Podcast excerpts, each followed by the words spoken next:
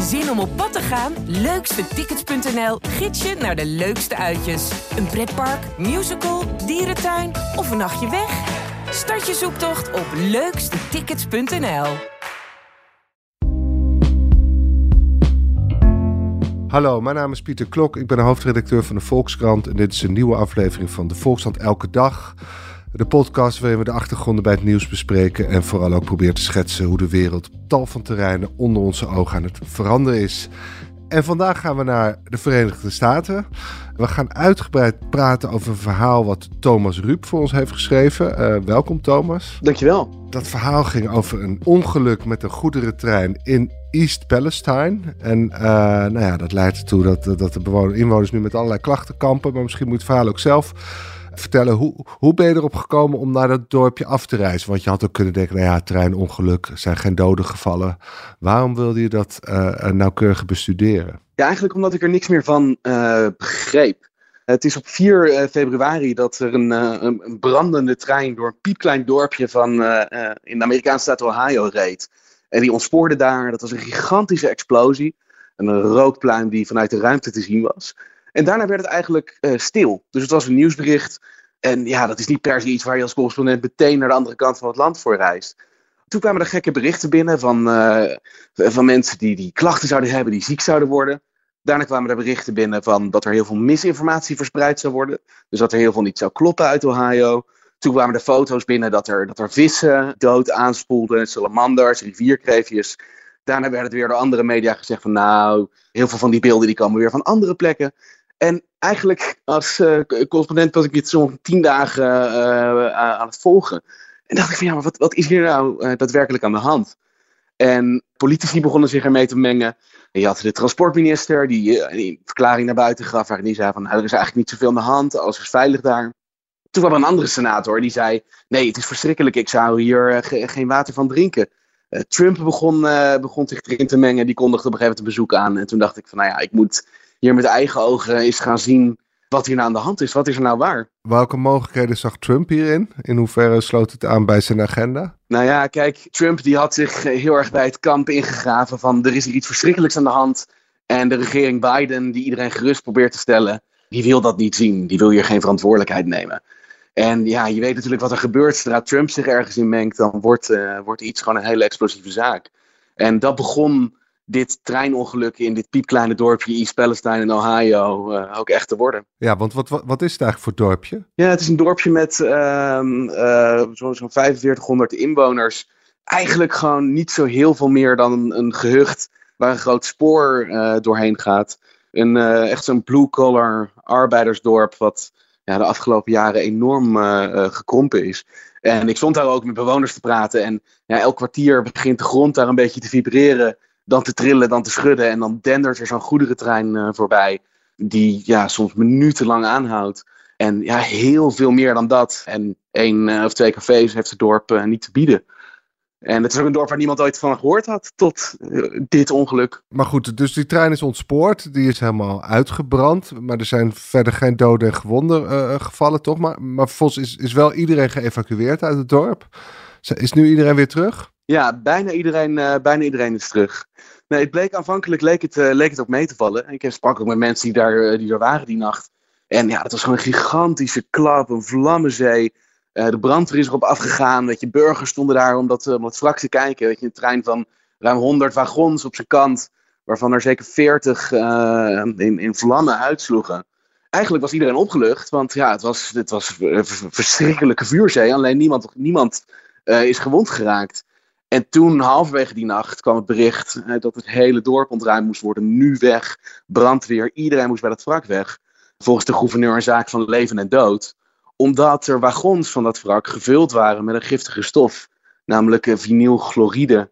Een, een, een, gas dat gebruikt wordt voor de ontwikkeling van PVC-pijpen. Dat ja, gewoon hartstikke giftig is. Op korte termijn ademhalingsproblemen, huidproblemen, oogproblemen. Maar vooral uh, op de lange termijn kanker kan veroorzaken. Dus het hele dorp, uh, of bijna het hele dorp, is in no time midden de nacht ontruimd. Maar ja, wel nadat er mensen urenlang toch op een hele kleine plek uh, die rook hebben zitten inademen. Want nu zijn ze weer terug en, en je hebt met de bewoners gesproken. Kampen er veel met gezondheidsschade? Of zijn ze er vooral bang voor? Nou, het is een beetje van allebei. En dat is natuurlijk journalistiek altijd een hele lastige. Bijna iedereen die op straat daar spreekt, die heeft ergens last van. Er waren veel mensen aan het hoesten. En ja, mensen lieten het ook wel zien. Mensen hadden rode uitslag op hun wangen. Eh, sommigen zeiden meteen van, nou, dat komt door die trein. Anderen waren daar ietsjes nuchterder over. Die zeiden van, nou ja, we denken dat het daardoor komt. Maar, maar ja, ze hebben wel ergens last van. Alleen, ik ben wel erg geneigd toch te, zien dat er wel iets uh, aan de hand is. Want ik kwam aan in dat dorp. En ik hing daar boven de brug uh, waar de rivier onderdoor strandt, die langs het spoor gaat. En het sloeg ook gelijk op mijn keel. Ik kreeg ook water in de ogen. Dus ja, daar hangt daar gewoon een hele sterke chemische lucht die ja, dat dorp overspoelt. En dat niet alleen, weet je, als je daar langs het, uh, het, het, water loopt, weet je, het, het zilver van de dode vissen, dat, dat glinstert onder de oppervlakte. Ik was daar met een bewoner die eventjes met een stokje zo over de bodem van dat water ging. Ja, en daar borrelt gewoon een soort uh, ja, veelkleurige glans omhoog. Weet je? Een soort olieachtige, olieachtig laagje wat dat water bedekt. Weet je, er hangt daar gewoon uh, iets in de lucht en in het water. Dat is onmiskenbaar. Maar dan is het toch nog steeds een gevaarlijke plek. Waarom is dan ervoor uh, gekozen om iedereen toch weer uh, terug te laten keren? Ja, nou daar is dus heel veel verwarring en, en, en zorg en ook wel verdriet over de bewoners onder. Ze doen metingen. Dus het is aanvankelijk vooral het treinbedrijf, dat heet Norfolk Southern. Het treinbedrijf zelf geweest dat verantwoordelijk was voor het opruimen van de schade maar ook het meten van, ja, is de lucht en is het water veilig? En het is zo, en dat zal ongetwijfeld ook zo zijn, dat de, de, de meteruitslagen nog ja, binnen een range zitten die ja, op zich acceptabel is. Alleen dat wil niet zeggen dat dat ook voor iedereen geldt, dat het op elke plek ook zo is. En dat het niet alsnog tot irritatie leidt. Dus uh, zij zeggen van nou, er is op dit moment geen levensbedreigende uh, of echt voor de serieuze gezondheid bedreigende hoeveelheden vinylchloride aanwezig. Alleen de bewoners zeggen, ja, maar ik voel dit.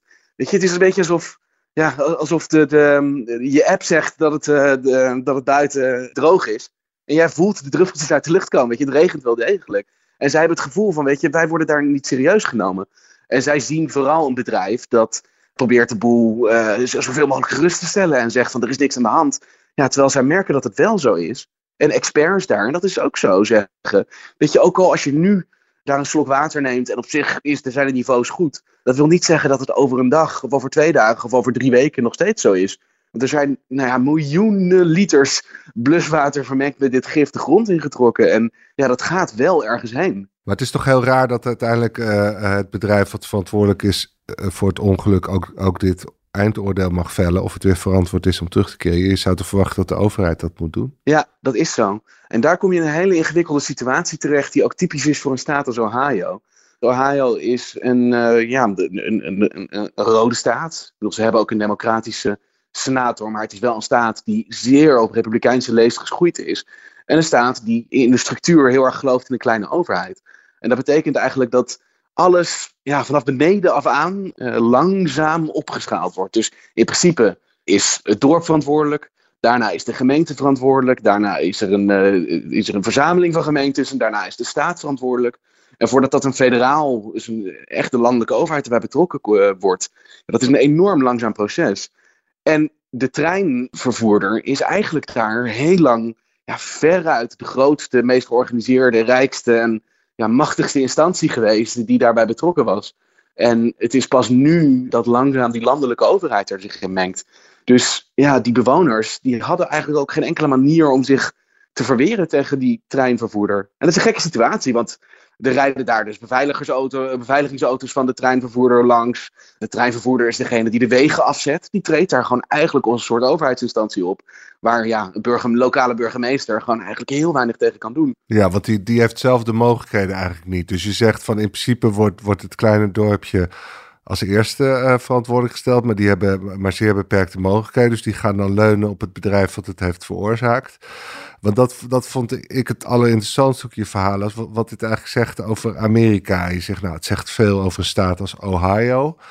Maar het zegt misschien ook veel over de macht van zo'n spoorbedrijf. Want het viel me ook op. Je schreef dat dat, dat spoorbedrijf eigenlijk heel veel geld verdient in, in Amerika nog. Het is een hele lucratieve branche, uh, vervoer van goederen per spoor. heb je enig idee hoe dat komt, dat het zo lucratief is? Want je hebt het gevoel dat het eerder een, sector is uit het verre verleden. Ja, nou, ik had daar geen idee van zelf. En dat krijg je dan soms als je zo'n verhaal, wat aanvankelijk gewoon lijkt te gaan over alleen een treinongeluk, maar die zoveel lagen blootlegt van de Amerikaanse maatschappij. Eh, die spoorwegsector, en dat is ook echt een reden dat er zo ontzettend veel woede in dat dorp heerst, is de rijkste industrie van de Verenigde Staten. Die, die verdienen meer geld relatief nog dan vastgoed uh, en het bankwezen. En zo'n bedrijf als Norfolk Southern is ja, zo'n 50 miljard waard. Dat is een gigant. Dit bedrijf is vooral zo rijk omdat het uh, weigert eigenlijk terug te investeren. Dus uh, ze, besteden miljarden aan het opkopen van aandelen. En ze gedragen zich eigenlijk ja, bijna meer als een investeerdersmaatschappij dan een daadwerkelijke vervoerder. En de afgelopen jaren is in de sector zo'n derde van het personeel wegbezuinigd. Er wordt beknibbeld op elke veiligheidsregel die ze hebben. Dus de verkorting van de inspectie van wagons is elk jaar groter. Weet je, ik geloof dat het nu op 60 seconden zit. Ja, en dat is de reden dat er daar heel veel geld verdiend wordt. En wat nu blijkt is dat dit soort bezuinigingen en ook de lobby tegen investering ook een van de redenen van die crash is. En ja, toen begonnen mijn oren echt te klapperen. Want de remmen, het remsysteem van de trein dat verongelukt is in East Ohio, Palestine, stammte uit uh, de tijd van de Amerikaanse burgeroorlog. Dus weet je, uit de 19e eeuw. En ja, dat is dus wat hier gebeurt. Een bedrijf dat 50 miljard waard is, weigert te investeren in remmen, vervoert levensgevaarlijk materiaal met een remsysteem wat ja, niet eens elektronisch is. En het zijn die remmen die, die hebben geblokkeerd, er zijn vonken van afgevlogen. En die hebben die trein in brand gestoken en uh, ja, bijna dit hele dorp opgeblazen. Want als een paar honderd meter eerder van het spoor was geraakt, dan had hij een tankstation geraakt. En dan is midden in East Palestine, dan was dat dorp er gewoon niet meer geweest. Maar heeft de overheid daar ook steken laten vallen? Dat, dat, dat die niet hebben geëist dat ze veel veiliger remsystemen zouden gebruiken? Ja, nou precies, daar zeg je het. Weet je, dat is ook hoe zo'n treinongeluk ook gelijk politiek wordt. En natuurlijk ook gelijk voor mij natuurlijk uh, ja, belangrijk is om te maken als correspondent. Die regels uh, die zijn aangescherpt onder eh, Barack Obama. Die heeft zelf een, ja, een verstrenging ingevoerd, waarbij treinen die giftig materiaal vervoeren wat er gigantisch veel zijn door dit hele land, die verplicht elektronische remmen zouden moeten hanteren. En dat zou dan gaan aan een systeem uit de jaren negentig. Niet eens state-of-the-art remmen, maar in ieder geval iets moderners. Dat is ingevoerd, maar daarna zijn die vervoerders zijn een gigantische lobby begonnen. Waaronder dus ook dit bedrijf Norfolk Southern, de vervoerder van deze trein. En die hebben uiteindelijk ehm, ja, onder Trump dat voor elkaar gekregen. En Trump heeft zelf die regels weer ongedaan gemaakt. En eigenlijk, ja, dus elke vereiste aan het remsysteem van gifttreinen uh, weer laten vallen. En, en heeft, heeft Trump ook toegestaan dat die inspectietijd zo werd teruggebracht? De tijd die je besteedt om te kijken of de, de wagons in goede staat zijn? Ja, dat is onder hem gebeurd. Maar ook onder Biden is dat niet de andere kant meer opgebogen. En, en dus daarom is het Trump die absoluut kritiek verdient. Maar eigenlijk vooral Biden die nu de hardste klappen vangt. Hij heeft niks van Obama's regels weer hersteld. En onder hem ja, is dit, dit hele proces uh, alleen maar doorgegaan. Dus de spoorwegen zijn verder gekrompen. Uh, er is geen enkele verstrenging van regels voor investeringen gekomen. Ja, en vorig jaar was een van de grote verhalen hier, of een van de grote de zaken die hij op zijn bureau kreeg, een grote treinstaking geweest. Waarin spoorwegpersoneel ja, in opstand kwam tegen van alles. Uh, tegen het gebrek aan vakantiedagen, tegen de mogelijke werkuren. En ook tegen de onveilige werkomstandigheden. Ja, en dat is uiteindelijk een, een zaak geweest die hij als treinliefhebber ja, toch niet uh, zo te hard heeft genomen als gehoopt. Als, dat heeft voor ja, de, de, veiligheid op het spoor niks veranderd. En daardoor is natuurlijk zijn voorganger Trump hier een van de verantwoordelijken. Maar ja, hij ook. Maar heeft Biden al van zich laten horen van, uh, door misschien toe te geven dat, dat ze hier inderdaad steek hebben laten vallen en verzuimd hebben om het beleid van Trump uh, terug te draaien? Nee, nee, dat heeft hij niet. En dat, uh, dat wordt daar ook wel gevoeld. Nee, het heeft tien dagen geduurd voor iemand van zijn regering iets, uh, iets over dit ongeluk zei. En dat was uiteindelijk de transportminister Pete Buttigieg. Die ja, Palestine elke dag op tv zag om daar te praten over een neergeschoten Chinese ballon. En intussen niks zei over dit treinongeluk. En daarmee heeft Bidens regering uh, ja, natuurlijk ook wel een cadeau gegeven aan de Republikeinen. En ja, dan zie je dat Trump daar gisteren geweest is. En ja, mensen in East Palestine, ondanks dat Trump degene is geweest die nota bene de eerste was die de vereisten voor remmen heeft afgeschaft, daar toch degene is die, die ja, een gevoel van steun voor hen opwekt. Terwijl ze van Biden niks hoorden. En toen ze iets hoorden, was het een transportminister die zei: Nou ja, eigenlijk is er niet zoveel aan de hand. Terwijl mensen daar tussen de dode vissen met, met, met, met, keelpijn en hoest rondliepen. En inmiddels zie je dat die houding wel veranderd is. Dus de Biden-regering is wel tot inkeer gekomen. Er is deze week een medische tent opgericht voor mensen met klachten. Er worden teams toch ook vanuit de federale overheid daarheen gestuurd. Omdat ze toch wel zien, ja, misschien is er toch wel wat meer aan de hand dan we aanvankelijk dachten. Ik vond het ook zo'n interessant verhaal, omdat, omdat het heel erg aansloot bij het boek The Fifth Risk van Michael Lewis. En die schetst daarin eigenlijk hoe onder de regering Trump Fifth risk is, is een risico wat je niet goed kunt zien. Hè? Dus daar heb je als overheid een taak om de hele tijd te kijken. Zien we geen risico's over het hoofd? Kunnen op sommige terreinen niet hele grote ongelukken gebeuren? Uh, van oudsher is de Amerikaanse overheid er heel erg op gespitst. Hè? Uh, een van de takken van, die hield zich bezig met virussen bijvoorbeeld. Maar er was dus heel erg, zat in het DNA van de overheid dat je continu moest speuren naar dit soort risico's. En, en eigenlijk Michael Lewis beschrijft hoe onder Trump al die afdelingen die daarmee bezig waren, dat die werden uitgekleed of afgeschaft. Dus ik was er eigenlijk vanuit gegaan dat zodra uh, uh, zeg maar het regime Obama weer terug zou keren, dat ze dat weer terug zouden draaien. Maar dat is in ieder geval op dit terrein niet gebeurd, zou je kunnen zeggen. Nee, dat is absoluut niet gebeurd. Nee. En ja, het is toch ook, uh, het laat denk ik ook wel de macht zien van, van, van bedrijven die zo ontzettend veel geld hebben. Die hebben gewoon heel veel gewicht in de schaal. En het is zelfs ja, eh, voor een regering die dat misschien liever anders zou doen, toch ook moeilijk om daar tegenin te gaan. En ja, Biden heeft daar gewoon heel duidelijk toch geen prioriteit van gemaakt. En dat uh, ja, krijgt hij nu wel terug in zijn gezicht. Nou ja, het blijft voor politici natuurlijk niet aantrekkelijk om uh, je te profileren met dit soort dingen, zolang er nog geen ongeluk is gebeurd. Nou, precies, en dat zal het risk zijn wat jij bedoelt. Ze zetten er toch op in van ja, we gaan niet heel veel geld uitgeven voor iets wat waarschijnlijk niet gebeurt. Alleen, ja, als het dan wel gebeurt, zoals hier, dan zijn de gevolgen gigantisch. Want dit dorp is vanaf nu voor altijd getekend hierdoor. En ja, de mensen die daar wonen zeggen al, weet je, ga ik mijn huis nog kunnen verkopen? Nee, waarschijnlijk niet. Dit is nu hoe East Palestine, een gehucht uh, in de hele Amerika, ja, voor de rest van zijn tijd uh, bekend zal staan. Maar is het ook niet in alle, alle andere dorpjes langs dit soort spoorwegen uh, dat mensen zich overal zorgen maken? Ja, wel. En er is ook uh, niet uh, heel lang na dat onderongeluk weer ergens anders nog een trein ontspoord. Zonder gif dit keer. Maar ja, absoluut. Weet je, en dat merk je in dat dorp ook. Als die grond daar weer begint te vibreren en dan te trillen en te schudden. ja, dat mensen er ook wat meewarig naar die trein kijken. En denken van, ja, dit is dus veel gevaarlijker eigenlijk dan we ons gerealiseerd hebben. Wat nog wel symbolisch is ook, want elke keer dat die trein voorbij komt, dan houdt iedereen zijn, zijn mouw voor zijn mond. Omdat die trein recht langs het wrak ligt, wat daar nog, nog steeds opgeruimd wordt. En dus allemaal stof en as van dat wrak meeblaast. En ja, eigenlijk meteen zodra er een trein voorbij komt, dat elk kwartier is, uh, je weer begint te hoesten daar. Ongelooflijk. Uh, heb jij nog, uh, hoe is dat bezoek van Trump verder eigenlijk verlopen aan het dorpje? Ja, volgens mij weinig bijzonder. Hij liep daar met zijn MAGA petje, Make America Great Again rond. Schudde handen, zei hoe boos hij over alles was. En was daar vooral te zien met J.D. Vance, zijn acolyt en eigenlijk de enige uh, door hem gesteunde senator die, uh, die wel gewonnen heeft bij de vorige verkiezingen. En ja, het voelde eigenlijk vooral als een, uh, als een campagnemoment. Alleen, ja, hij is daar toch heel populair. En mensen willen toch ook niet horen dat hij misschien wel degene is die ervoor gezorgd heeft dat deze trein kon ontsporen. En ja, dat moment grijpt hij wel en dat kan Trump heel erg goed.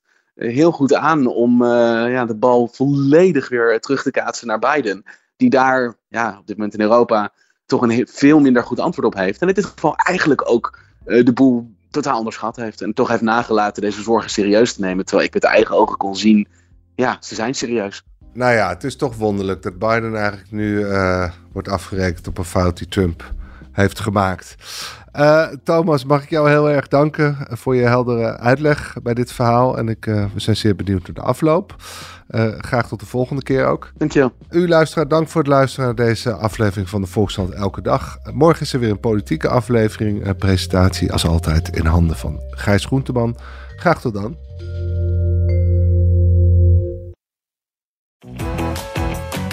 Zin om op pad te gaan? Leukstetickets.nl gids je naar de leukste uitjes. Een pretpark, musical, dierentuin of een nachtje weg? Start je zoektocht op leukstetickets.nl.